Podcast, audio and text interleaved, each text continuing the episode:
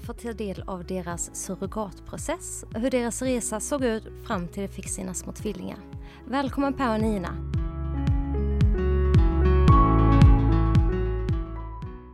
Ni får jättegärna presentera er. Jag heter som sagt Nina. Jag jobbar som eh, tågkonduktör på Öresundstågen. Ehm, Träffade min man eh, 2008. Först blev det att vi dejtade ett tag och sen så har för mig att vi förlovades för 2010 ungefär. Och gifte oss sen 2014.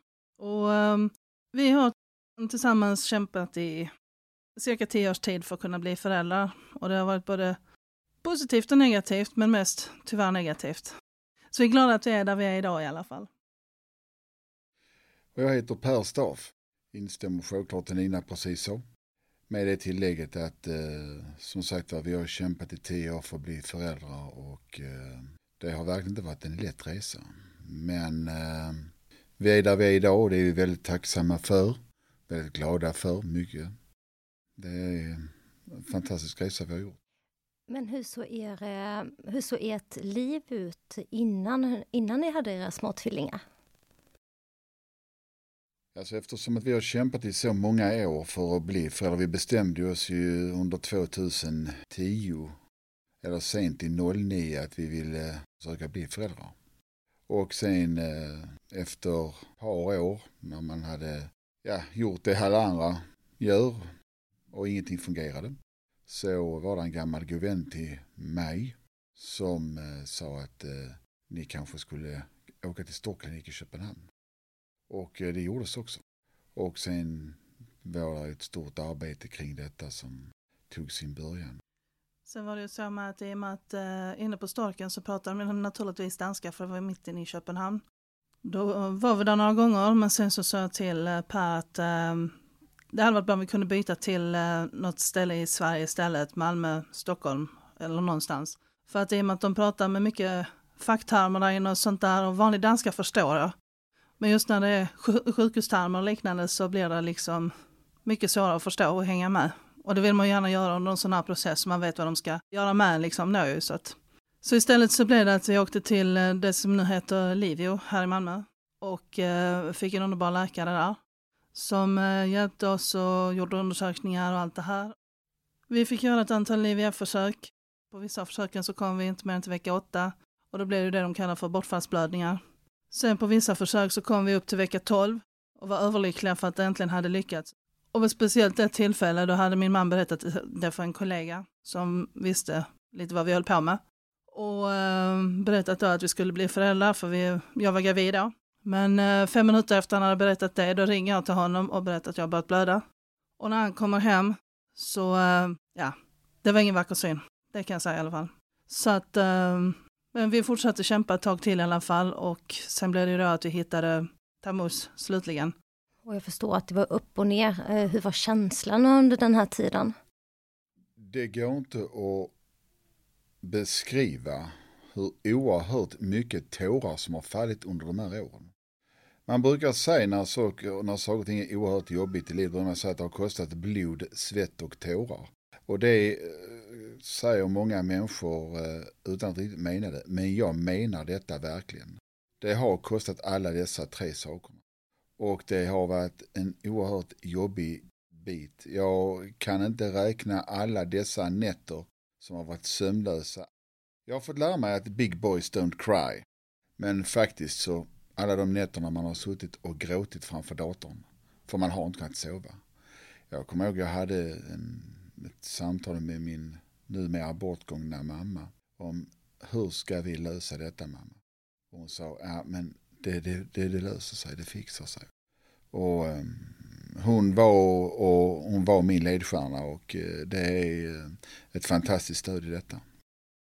Ja, som sagt, det har varit berg och dalbana verkligen och eh, mitt sätt att hantera det, det var egentligen att försöka slå bort tankarna helt enkelt för att jag orkar inte tänka på det så mycket utan eh, det blev att jag hade det som jag kallar då egendagar. Någon gång så kanske det kunde till och med bli att jag tog en hotellnatt någonstans bara för att verkligen rensa tankarna och sen komma hem med ny energi. Plus att man jobbar ju mycket också så att uh, det gjorde också att man skingrade tankarna. Man ska ju också veta att under de här åren så har man ju träffat på människor som har varit väldigt positiva till att det här löser sig. Men man har också råkat ut för människor som har gjort sådana saker som eh, man liksom man bara tänker att eh, det, är, det är inte ute att koppla in hjärnan innan man pratar. Va? Och eh, det säger jag rakt ut. Därför att alltså, folk har gjort sådana uttalanden så att eh, alltså, det är direkt alltså dumheter. Alltså det har bara bevisat att de har inte förstått denna, eh, denna problematikens fulla vidd. Utan eh, man har liksom träffat på människor som har sagt till exempel att ja, vi kan, jag kan tänka mig att ställa upp med en äggdonation eftersom det var Ninas ägg som var dåliga. Men då kräver jag att Nina går ner till 80 kilo i vikt. Ja men sa jag, det är ju jättesvårt att kunna lösa för vi har alla olika fallenhet för det här. För Nina har PCOS. Och det gör det att det är oerhört svårt att kunna gå ner i vikt. Och det är, det är en kvinnoåkomma som man har svårt att sätta fingret på vad det är som gör det. Man vet bara att den finns där. Och eh, det är så att, eh, och andra saker och ting som man har råkat ut för. Eh, man är glad där man är idag va? men det är inte på grund av deras tarvliga uttalanden som man är där man är idag. Utan det är därför man har träffat så många andra positiva människor. Jenny Zimmerman, en är en av dem. Du är en annan.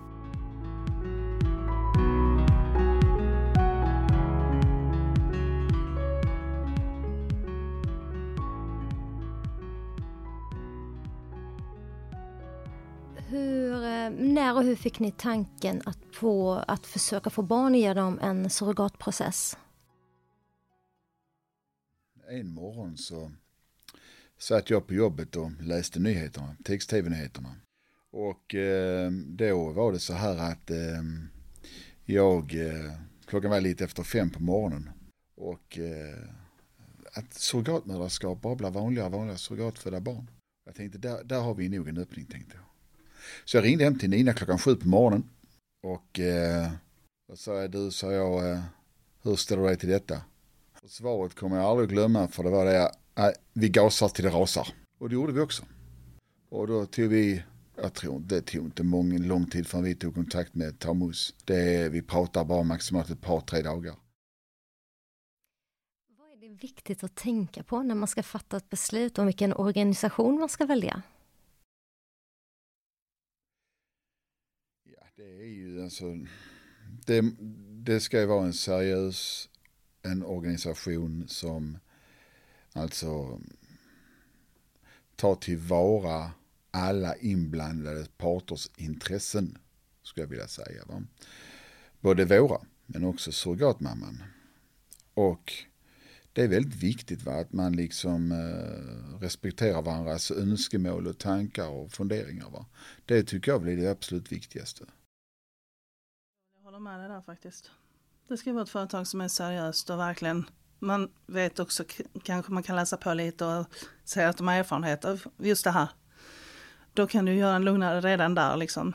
Så att... Vad har ni för tips till andra blivande föräldrar som har tanken på att gå in i en surrogatprocess? Var riktigt säker på din sak. Och är du det, tuta och kör. Det skulle jag nog vilja säga faktiskt. Plus att finanserna kan man alltid lösa på ett eller annat sätt. Jag menar, säg att man har någon värdefull, man har ett hus kanske, man har, eller en sommarstuga kan vi säga kanske. Man är inte kanske jätteintresserad av att behålla den utan man kanske säljer den istället, tar de pengarna för det. Eller man kanske har bilar som man kan sälja av eller motorcyklar eller vad det nu kan vara, något som har värde. Eller ta banklån. Allt för att kunna få fram finansen så att säga så man kan betala för den här grejen. Har man väntat så många år som jag och Nina gjorde, tio år, så är man nog beredd att göra nästan vad som helst.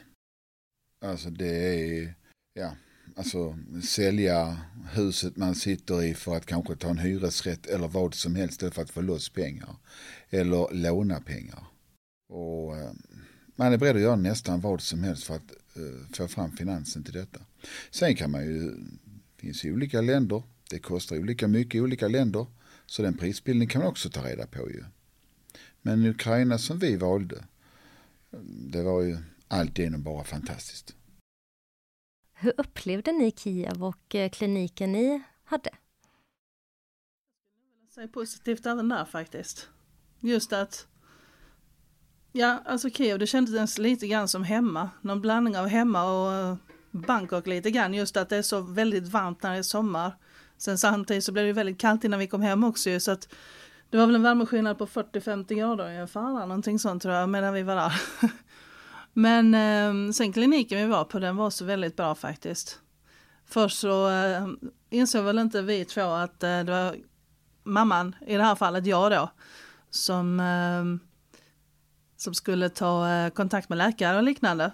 Men eh, när vi väl insåg det, då gick ju allting mycket bättre faktiskt. För de var lite mer gammaldags, som man ska säga så, på, den, på det sjukhuset där. Så att, eh, men ehm, nej det var faktiskt riktigt bra, måste jag säga. Och det var ett trevligt sjukhus för faktiskt säga ändå och sådär. Så att, eh, men ehm, visst, det blev ju lite väl trångt när alla fyra var inne på samma rum där, för det var väl inte mer än typ 10-15 kvadratmeter. Och ganska varmt där inne så att uh, det var skönt ibland att kunna komma ut och få lite luft på området i alla fall så att uh, man fick lite nytt syre till huvudet. så att, eh, nej men jag gillar det faktiskt. Det är så uh, fantastiskt och lite faktiskt skoj också i sammanhanget. Det var det att man förväntar sig nog inte att jag som man skulle ställa mig och byta blöjor och mata småbarn och så här vidare. För de tittar väldigt konstigt på mig och väldigt suspekt på att kan du göra det? Du är ju man. Och det gjorde inte saken bättre att jag sa I'm the best. Och sen bara och sen bara till att ställa mig och byta blöja och allt sånt här. Och den läkaren hon tittade på mig jättekonstigt så här. Men hon vande sig. Vi var där i sex dagar och eh, det var bara första dagen eller andra möjligen. Hon tittade väldigt konstigt på mig. Sen så vande hon sig att jo det gjorde det, visst. Det gick väldigt bra. Men det var Nina som fick alla de här berömmen att oh vad duktig du är Nina. Alltså, det fick inte jag men eh, det spelar ingen roll. Det som också man kan, alltså det var ju det att den, vi hade ju av eh, Jenny Zimmerman fått reda på att, att jag skulle hålla mig i minst tre dagar, helst fem dagar eller maximalt fem dagar. Och eh, för att kunna lämna det jag måste lämna som man. Och eh, då var det ju så här va, att eh, det var faktiskt ganska precis exakt 102 timmar som jag höll mig. Och jag kan säga det med säkerhet därför att varje timme blir allt mer ansträngd. Det ska jag säga. Den morgonen vi skulle iväg där till kliniken så fick jag knappt på mig byxorna. För jag var så fruktansvärt öm så det var inte sant.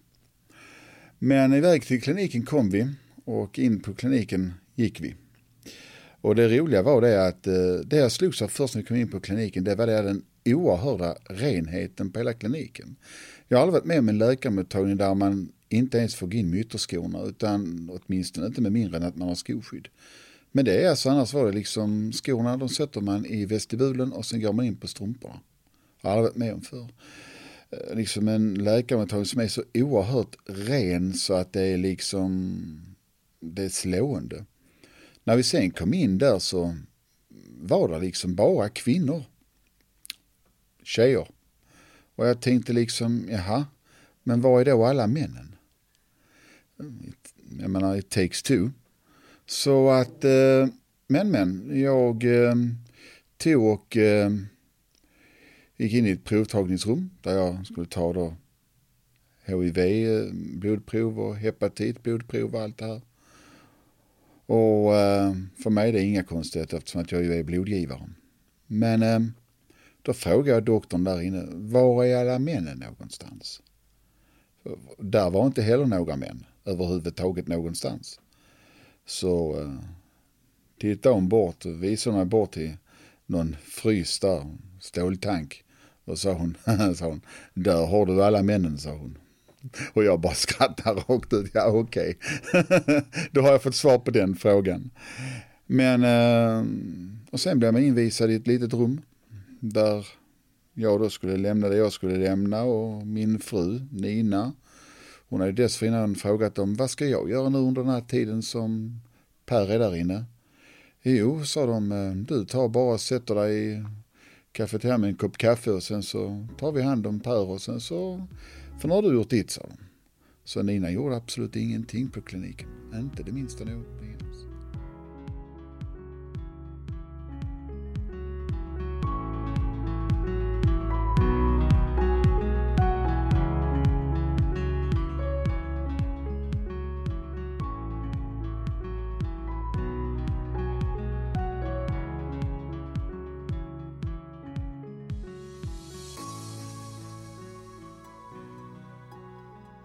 Det var bra med de som jag kallar tolkarna, tjejerna som hjälpte oss där också vid sjukhuset och liknande med. De eh, gjorde ett jättebra jobb också faktiskt. Och vi hade ju hjälp av en tjej, Oksana heter hon, när vi var på sjukhuset med.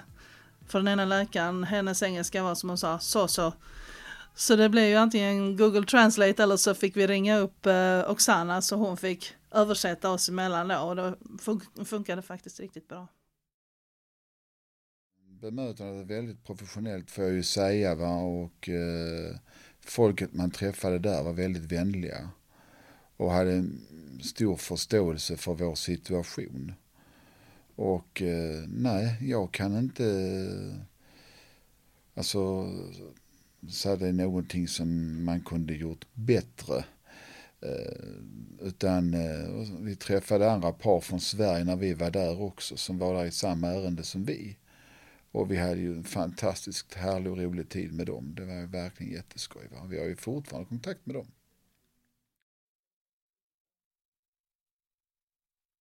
Hur ser ert eh, liv ut idag? Uppnått vår livström.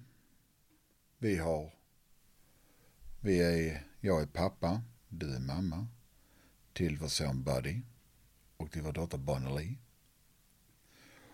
och eh, ja, det, det, det finns ingenting, det, det är helt underbart allting. Det är, eh, det är helt fantastiskt. Det är liksom när många eh, kompisar som har blivit föräldrar, de säger att oh, det är så jobbigt med tvillingar. Nej, det tycker jag inte alls att det är. Inte på minsta vis. Det är, eh, eller jobbigt med barn i största allmänhet. Nej, det kan jag inte heller hålla med på.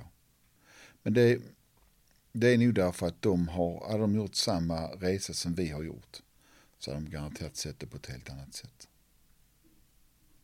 Till exempel bara en sån enkel sak som eh, en eh, bekant till mig.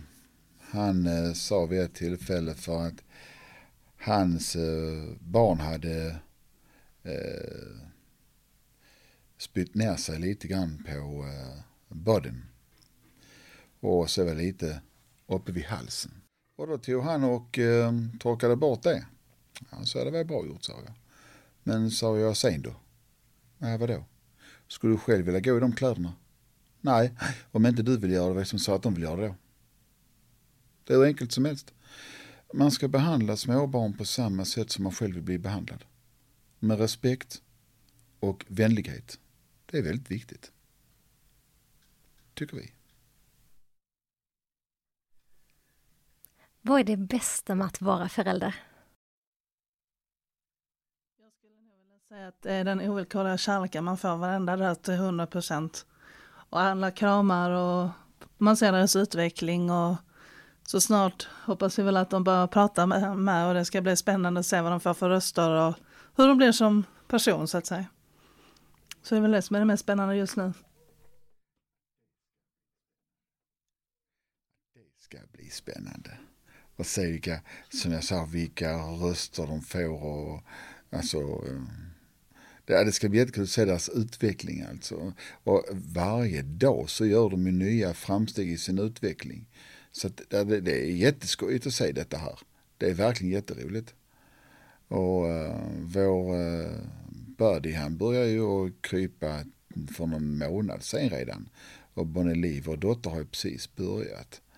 Och det är ju rätt kul bara en sådan sak liksom. Det är lite grann eh, brorsan du tar höger och jag tar vänster. Alltså det är lite grann så, alltså att det är, ja, det är jätteroligt faktiskt. Det är kul att se alla möjliga sorters framsteg. När vi var i Kiev, eh, redan där så började, började jag vända sig på mage efter om det var tre eller fyra veckor tror jag. Den där hade han liksom börjat flippa runt på magen så att då fick man hålla koll på honom och sånt när man hade lagt honom på sängen eller i soffan där liksom. Så att han inte bara komma fram från nära kanten och liknande och sådana saker med men uh, han var faktiskt jätteduktig. Så att uh, och han är väldigt framåt Buddy måste jag säga för han vill undersöka allting och titta och bita och känna och sådär och Bonnie Lee hon börjar så smått att knata in på brorsan också faktiskt så att uh, det är jättehärligt att se. Och jag har hört att ni snart ska ut på en resa. Vill ni berätta om den? Vi eh, ska tillbaka till Kiev eh, denna gången som turister. Den 11 eh, oktober blir den. Och det blir 14 dagar.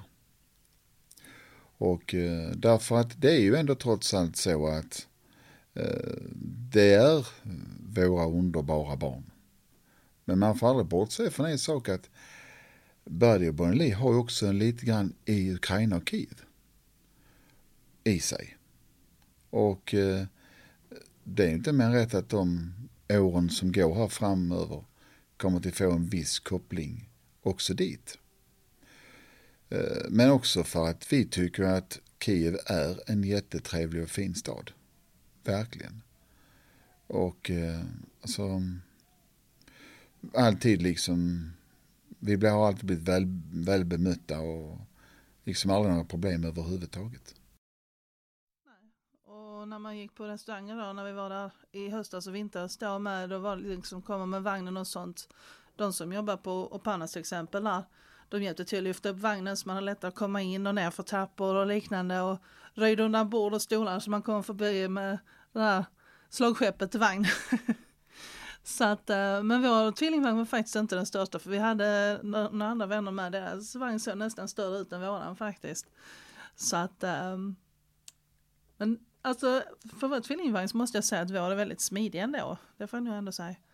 Så att eh, men det är skönt nu man har kommit så pass långt som man sittvagn nu istället faktiskt så de får se lite mer av omgivningarna med nu så det är också ett steg åt rätt håll där ju så. Jag vill tacka er så jättemycket då för att ni har velat komma hit och berätta historia.